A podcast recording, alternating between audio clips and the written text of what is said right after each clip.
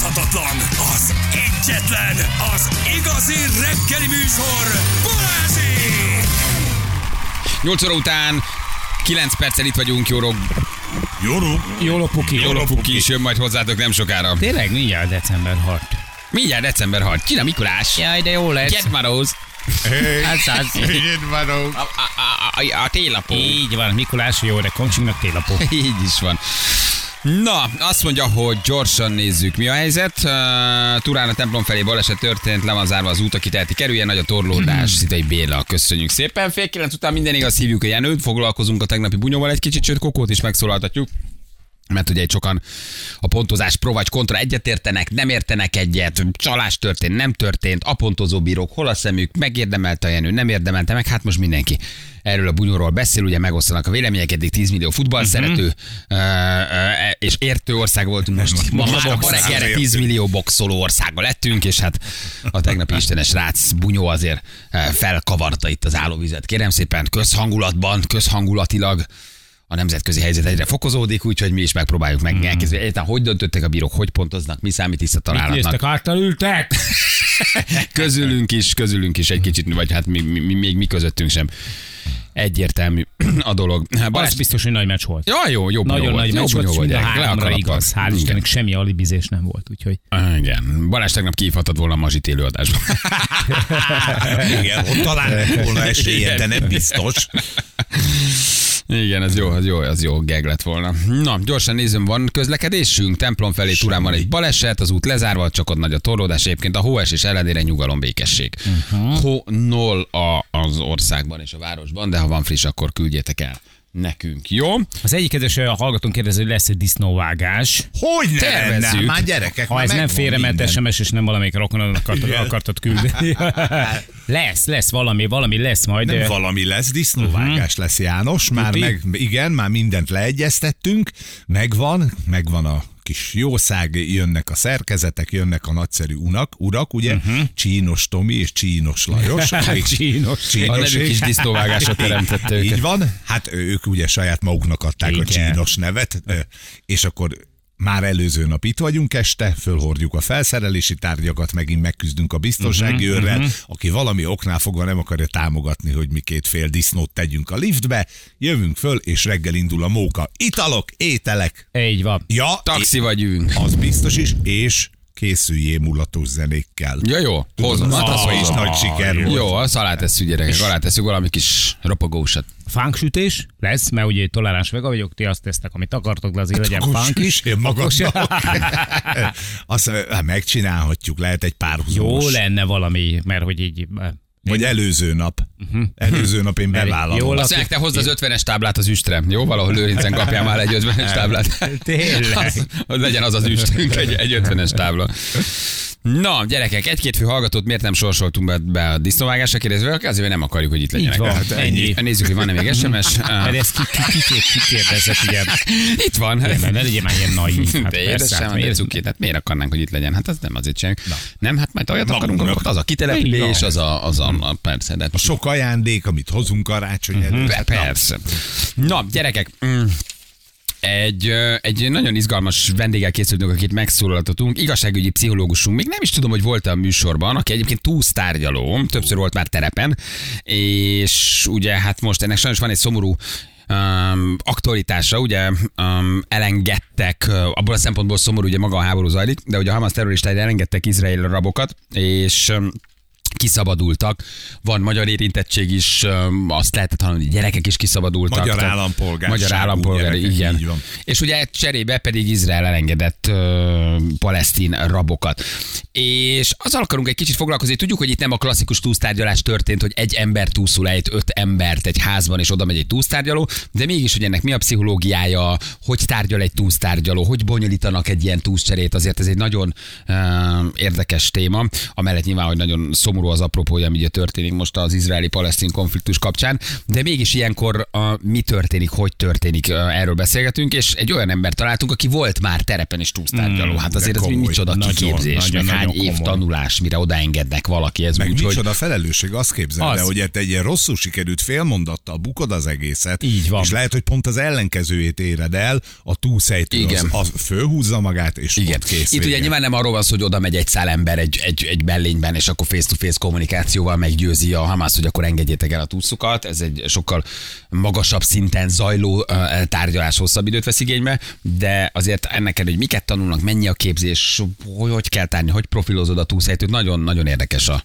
nagyon érdekes a téma. Én nem is tudtam, hogy van egyébként Magyarországon ilyen, de hát nyilván kell, hogy legyen, ha valaki tényleg mondjuk nem tudom, egy bevásárlóközpontban vagy valahol túlszul ejt embereket, akkor oda amellett nyilván megy mondjuk a tech, de kell valaki, aki mondjuk először fölveszi a kapcsolatot, nem? Vagy elkezd mondjuk tárgyalni. Tehát amerikai filmekben nagyon sokszor látsz ilyet, hogy fölteszi a kezét, elindul előre, és ő a túlsztárgyaló, aki, aki, Szerintem- aki, aki, aki beszél. De... Szerintem ugye hosszú idők óta már ez napirenden van sajnos Magyarországon, ugye nemzetközi, és egyébként magyar okokból is kifolyólag az, hogy, hogy a terroristákkal való kommunikációra fel kell készülni. És ennek a kommunikációnak nyilván része az is, hogy mondjuk legyen egy profi túsztárgyaló is, amellett, hogy vannak olyan emberek, akik mondjuk fegyveres harcot vívnak mondjuk a túszoknak a, a kiszabadításáért. Emellett kell lenni egy olyan embernek is, szerintem ez egy teljesen, teljesen normális ilyen alapvetés, aki, aki viszont ezt a részét bonyolítja le a Igen. túlsztárgyalásnak. Igen. Itt van velünk Kitanics Márk igazságügyi pszichológus. Hello Márk, jó reggel, ciao. Jó reggelt kívánok mindenkinek! Hello. Hát meg a hangod is, a hangod is olyan komoly. Én föladom. Most. Ez Mélyebb a hangom, hogy komolyan vegyenek. Igen, igen, egy kicsit el, elmélyíted, igen. Na, olvassuk, ez nagyon érdekes, hogy te is önmagában túlsztárgyaló is vagy, tehát voltál már terepen éles helyzetben, ez azt Így van. jelenti, gondolom. Így van. Mhm. Tudunk erről Így egy van, kicsit faggatni? Igen, de nem, nem így kell elképzelni minden, hogy itt zajlik. Ez egy nemzetközi akció, és a milyen azért ennél jóval egyszerűbb szituációkat foglalt magában. Tehát mondjuk többnyire ilyen közveszélyel fenyegetés, vagy valaki gyilkossággal fenyegetve fölmászik egy toronyba és őt lebeszélni, valaki a családját tartja fogva egy fegyverrel. Tehát ezek jóval kisebb volumenű akciók természetesen. Igen, itt arról beszéltünk, hogy ez nyilván nem egy face-to-face kommunikáció, hogy oda megy valaki egyedül, és Így akkor elkezd tárgyalni a Hamasszal, és ott valahol a házban ott van a 10 tuc, akit rögtön elengednek. Uh, itt egy teljesen más ugye az alaphelyzet. Ugye a palesztinok itt el szerették volna, vagy azt kértek, ugye nem a palesztinok, a Hamas azt kérte, hogy, hogy engedjenek el um, túszokat, ugye? Tehát, hogy ez egy ilyen fogolycsere volt, vagy egy túszcsere tulajdonképpen.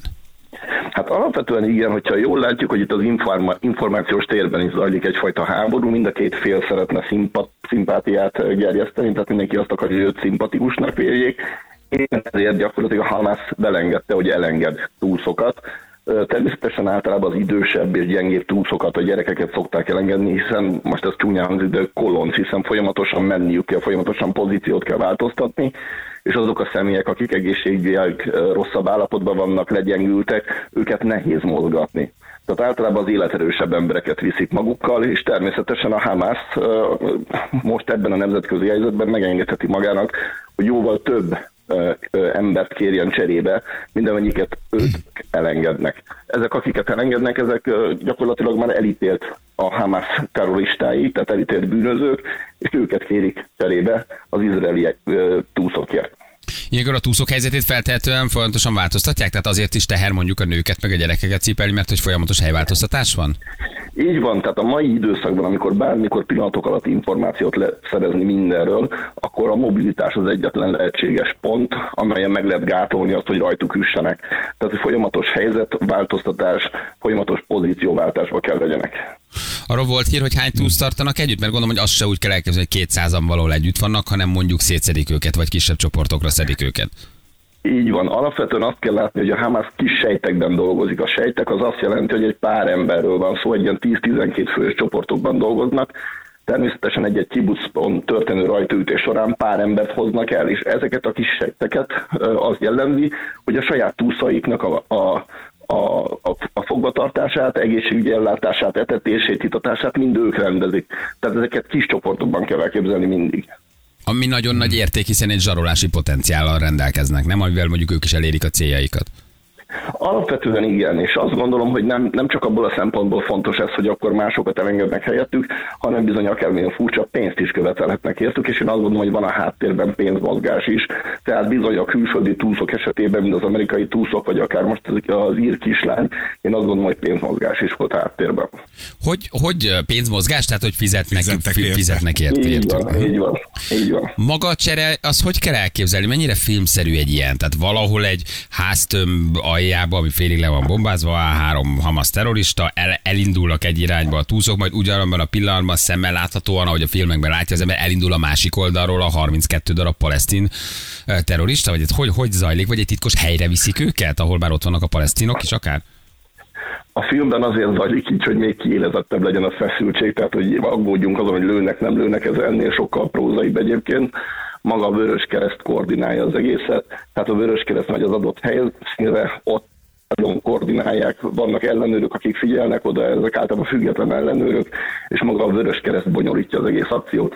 Ez, ami a filmekben történik, ez maximum Nicaraguában, vagy valahol olyan helyen történhet meg, ahol van egy kis tér, és ott ezt le lehet játszani, de egy ilyen nemzetközileg feszült helyzetben nagyon-nagyon ellenőrzött körülmények között zajlik az egész szituáció. A túsztárgyalások történetében volt már olyan valaha, hogy megszületett a megállapodás, és a túsz cserénél valaki egy apró hibát vétett, és ebből lett baj, és, visszamo- és a másik fél visszalépett, vagy akár mondjuk fegyveres konfliktus lett belőle?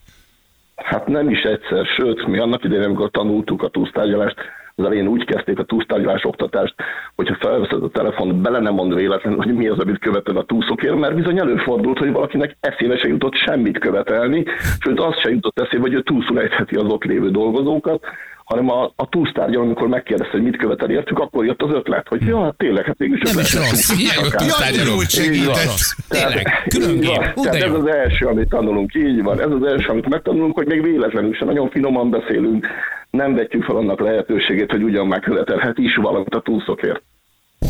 Azt tudjuk, hogy ilyenkor milyen nemzetközi, öm, nem is tudom, tehát hogy, hogy bánnak a túszok, azt tudjuk, hogy milyen állapotban jönnek ki ezek a túszok. Nyilván terrorszervezettől függ, időtől függ, raboskodási körülményektől, tehát nagyon sok összetevője van ennek, de hogy milyen állapotban kerülnek ki ezek az emberek, mennyire van esélyük arra, hogy mondjuk egy egy hónapos raboskodás után valahogy megpróbáljanak utána visszatérni a normális életbe. Hát igen, ez, ez egy nagyon vészes terület, ugye itt van a posztraumás stressz szindrómája is, ami arról szól, hogy nagyon megviseli ezeket az áldozatokat pszichésen, az, hogy őket fogva tartották, nagyon sokszor megalázó helyzetekbe kerülnek, akár az öltözködés, akár a vetkőzés, tisztálkodás terén, az egészségügyi ellátást nem úgy kapják meg, tehát ilyenkor azért azt kell látni, hogy nem egy jó állapotú túszokat kapnak vissza. Természetesen itt vannak híradások arról, hogy hogyan kerültek ők vissza, viszont azt is látni kell, hogy először maga a hatóság az, aki kihallgatja őket, hiszen a többi túsz fogvatartásának körülményeire, helyzetére, pozíciójára nyerhetnek információt. És ilyenkor, hogyha meghallgatta őket a hatóság, csak ezt követően vehetik fel a kapcsolatot akár a családtagjaikkal, illetve a sajtó nyilvánosságot is csak ezután kaphatják meg. És maga a, a, tucok elengedése egyszerre történik? Tehát, hogy a Hamas látja, hogy igen, elengedték a bebörtönzött terroristákat, akkor én is engedem az izraeli foglyokat. Csak van egy telefonvonal, ahol ők érintkezik, igen, látjuk, tényleg elengedték őket, az egyik fél se verje át a másikat. Alapvetően ez nem az a szint, amikor át lehet verni valakit, hiszen itt azért a, egyrészt a sajtó is figyeli, nemzetközi nyomás van, közvetítők vannak. Tudjuk, hogy Katar elég jelentős közvetítő pozícióban van ezzel kapcsolatosan, tehát vannak ilyenkor megfigyelők, akik ezt az egészet ellenőrzik, ezek általában külső megfigyelők, olyanok, akik egyik országhoz sem köteleződtek el, tehát objektívnek tekintetők, és az egész egy nagyon ellenőrzött folyamat. Ja, értem, tehát, hogy nincs az, hogy valaki kijátszik valakit, mert akkor az mondjuk Nincs, retorzió. itt nincs, itt nincs. Az lehet ilyen egyszerű kis ö, szituációban, amikor van egy, egy, egy, egy túlszejtés, ott előfordulhat, hogy valahogy a túsz- túszokon, túszokon keresztül becsapják a hatóságot, de ez nem az a szituáció, ez nagyon ellenőrzött körülmények között zajlik. Mennyi időt kell tanulnod, vagy mennyit kellett tanulnod, míg túlsztárgyaló lehetél, míg először élesbe kiküldtek terepre? Hát ez alapvetően úgy zajlik, hogy igyekszik a rendőrség, mert én a rendőrségen tanultam ezt annak idején, igyekszik eleve pszichológusokat képezni erre, tehát ott már van egy alapvégzettséged, tehát pszichológus vagy. Majd ezt követően az történik, hogy a, a Böszörményi úton van egy képzőközpont, vagy hát régen ott volt, amikor én voltam a képzésben, és ott egy hosszú éveken keresztül tartó képzés van, de ez nem folyamatos képzés, hanem tréningek formájában. Tehát van évente frissítése, tehát hogy, hogy gyakorlatilag ez egy folyamatos, az egész életedet végig kísérő képzés abban az esetben, hogyha a rendőrségen maradsz. Hmm. És a- magát a, a gyakorlati részét, ezt hogy kell elképzelni? Hogy tudtok erre készülni? E, Úgy, hogy e, mondjuk e, tudod, hogy az, akivel éppen tárgyalsz, az egyébként egy kollega, és akit foggyűlöltet, az is szintén egy kollega, és aztán kettőkor majd együtt fogtok lent a kantinban ebédelni. Ez nagyon érdekes. Van egy taktikai ház felépítve, úgy képzeljétek el, mint hogy egy kis város lenne, és a teteje üres nyitott egy dróthálóval, és gyakorlatilag ott fönt a megfigyelők tudnak, tudják nézni, hogy te ott lent dolgozol. Kollégákkal játszuk ezt természetesen, de olyan értékű adrenalin gyűlik föl, hogy nagyon sokszor ordinári hibákat lehet elkövetni. Az ember rendesen ugyanúgy izgul, mint éles helyzetben. Tehát nagyon-nagyon érdekes videóra veszik az egészet, utána kielemzik a működést, tehát ez egy elég bonyolult képzés. Azért ez milyen kemény. Te emlékszel az első esetedre, amikor menned kellett, hívtak, hogy szükség van rád, és menni kell terepre? Én nem, nem erre emlékszem, hanem az előttünk levő pár első esetére, akik annyira izgultak, hogy egy olyan szituációt húztak, hogy előbb jöttek haza nyaralásból a tulajdonosok, és a szomszéd motoszkálást hall a lakásból, ezért kihívja a rendőröket. A rendőrök, ugye azok mi voltunk ebben az adott szituációban, kiment az első páros, és amikor kinyitották az ajtót, rögtön melbelőtte azt a szemét, akiről azt gondolta, hogy valami betörő, mert nem várta meg annak a végét, hogy bemutatkozzon és igazolja, hogy nyaralós, nyaralásból előbb hazaért. Tehát, hogy olyan, olyan mennyiségű adrenalin felgyűlik az emberben, hogy egyszerűen nem nagyon tud józanul gondolkodni. Azért van szükség folyamatos tréningre, hogy amikor kijutsz a terepre, akkor már ne az legyen, hogy ott kezdesz el hirtelen előcitálni a fejedből valami fajta tudást, hanem ez ilyen protokollszerűen folyamatosan menjen. De hát ez egy manipulatív műfaj, hogy neked bele kell férközöd a fejébe, a gondolkodásába, manipulálni, lebeszélni, átírni a gondolkodását, nem? Ezt Vagy az elképzelését. Megtanuljuk. Ezt pszichológusként megtanulod alapvetően, mondjuk a klinikai szakképzésben, vagy akár a pszichológusok, okleves pszichológus képzésben, tehát az alapképzésben. Itt inkább technikák vannak, amelyek adottak, és amelyeket meg kell tanulni. Hogy hogyan lehet rá úgy hatni, hogy azt csinálja, amit te mondasz, vagy hogy átvedd az irányítást. Hát például tökéletesen hogyan tudsz úgy a hangszíneddel játszani, hogyan tudsz úgy kérdezni, hogy abban benne legyen a válasz, hogyan tudod átvenni a domináns pozíciót, hogyan tudod megnyugtatni. Ezekre mind technikák vannak. Mennyi idő kell, hogy beszéljél valakivel, aki túlszület valakit, hogy rájöjjél, hogy körülbelül mennyire komolyak a szándékai? Hány perc alatt tudod egy beszélgetésre le- leprofilozni, hogy, hogy milyen állapotban van mentálisan, mik a valódi szándékai, és hova vezethet ez az egész? Hát az a helyzet, hogy amikor mész ki a helyszínre, mert te, nem te vagy az első, aki kiérkezik a helyszínre, hanem a rendőr járőr általában, és akkor, amikor kivegy a, a csoport, aki ezt az egészet levezényli, ők már olyan információkat adnak, amiből azért már van egy alapelképzelésed az egész helyzetre vonatkozóan. És amikor kiérsz, akár 10 perces beszélgetésből is nyugodtan már meg lehet határozni azt, hogy mi lesz ennek az egésznek a végkimenetele. Megmondod nagyjából 10 perc után? Hát nagyjából 10 perc után meg lehet mondani. Nagyon ritka az, hogy elhúzódik. Azt kell látni, hogy ez egy folyamatos koncentrációt igénylő folyamat. Ez azt jelenti, hogy akár 10 perc is elképesztő pszichés teher. Tehát az ember izzadni szokott, hogyha akár valaki két-három-négy órát túlsztárgyal, az nagyon-nagyon feszültségkeltő helyzet, nagyon elfárasztja az embert. Hát az egy brutális. Mindenre odafigyel. Folyamatos végig, kommunikáció, nagyon igen. kemény. Hát azt eleve, hogy mit, mi az, amit kimondhatsz, mi az, amit nem szabad kimondanod, mi az, amit kerülj. Az emberben ráadásul benne van, hogyha valamit nem, akar, nem szabad kimondani, az biztos ki akarod mondani. Tehát, hogy ezeket legyőzni, ez, ez azért nagyon nehéz. De Magyarországon nem annyira jellemző ez a bemegyek egy bevásárlóközpontba, beülök egy bankba, és túlszul ejtek, nem tudom, öt banki alkalmazottat. Nem, vagy lehet, hogy nem halljuk, de hogy azért ez nem egy jellemző, nem tudom, bankrablási formula, hogy akár túszokat ejtenek, nem? Hát most már nem. Régebben azért volt erre több példa is, de most abszolút nem jellemző. Én azt gondolom, hogy azért nálunk a közbiztonság viszonylag jónak mondható. Hát igen, nem, ugye kell, ott nem, kell azon, nagy... nem kell azon aggódni, igen, nem kell azon aggódni, hogy bemész egy bevásárlócsarnokba, tuszulejtenek, nem kell azon aggódni, hogy egy Isten tiszteleten felrobbantanak. Tehát az, azért alapvetően én azt gondolom, egy viszonylag biztonságos országban élünk. Van felelőssége úgy a túlsztárgyalónak, hogyha rosszul sül el a dolog, akkor rajta számon kérik, vagy azt mondja, gyerekek, megtettem mindent, szakmai sztenderdek okék voltak, de nem normális, megnyomta a gombot, és még fölrobbantotta magát. Vagy ilyenkor ti, fel, ti, ti számon kérhetőek vagytok, hogy ti rontottatok el valamit? Ha rosszul végződik a Igen. dolog? Ha, ha valaki elront valamit, akkor természetesen a hatóság a későbbiek során ezt valami fajta egy ilyen felügyeleti szerv számon kéri olyan formában, hogy végigvizsgálja az esetet, hol lehetett volna más csinálni, hol volt az egész problémás, és ezt gyakorlatilag utána számon kérik a személyen, akár fegyelmi, bármilyen formában, hiszen általában a rendőrségi pszichológusok, vagy legalábbis régebben az állománynak a hivatásos részét képezték. Tehát ugyanúgy katonai bíróságra lehet őket vinni, hogyha valami nagyon nagy problémát csinálnak. Kemény. Abban tudsz segíteni, hogy még egy motort tervezek otthonra a BK-val ezt letárgyalni a párommal. Ez jelzem, hogy csak a harmadik, hogy csak hogy tud a Igen, pontos adatokat. igen, Igen. nehéz ügy. Már csak, hogy a harmadik motorról van szó, hogy erre mit nem mondanak nagyon, van, nem, nagy, nem nagyon van időpontom, csak két év múlva, Van az a tárgyalás technika, amivel jól be lehet adni, hogy a béka mondja ki azt, hogy neki szüksége van erre a motorra? abszolút, hát úgy kell, addig kell alakítgatni, amíg a végén azt gondolja, hogy ez neki kell, nem nekem. Óriási vagy. Hogy ez ő érdeke. Oldani, Hogy az És hogy- Igen, hogy- és akkor onnantól kezdve egy kicsit kéreted magadat, hogy hát nem is tudom, nem is olyan nagyon biztos. Cserébe talán, hogyha kapok valamit. Tehát akkor És el lehet érni jó tárgyalási és technikával. gondolja, igen, már is azt gondolja, hogy gyakorlatilag neki még fizetni kell azért, hogy ő ezt megkapja. Nagyon jó. Hm, Tehát akkor jó tárgyalási technikával el lehet érni, hogy szabadon engedje a Feri szuvidáló eszközét, ugye? Abszolút, abszolút, abszolút. Figyelj, neked lebeszélni az az, hogy kérdezi egy hallgató egy 20 ezer forintos Black Friday-os cipőről mennyi idő már? Egy perc, három perc, öt perc, meg vagy nem gyorsan, merek nem? semmit mondani, nem merek semmit mondani, mert hallgatja a rádiót. nagyon menő lehet. Már tök érdekes, köszi, hogy beszéltünk meg ezeket, elmondhatod, ez nagyon zárt Köszi. világ, ez nagyon ritkán tudunk így belepillantani. Köszi, jó munkát neked! Hello, illetve ne legyen munka. Illetve ne legyen munkát, vagy valami más. unalmas hetet. Igen. Köszi, ciao, köszönjük szépen. Hello. Kitanics már igazságügyi pszichológusnak, köszönjük szépen. Fél kilenc van pontosan, jövünk. Uh, bunyó, bunyó a téma, Bunyó, bunyó. Bunyó, bunyó a téma, úgyhogy hívjuk Rácénőt, és ha Bencét elérjük, akkor őt is természetesen, meg Kokóval is beszélgetünk mindjárt.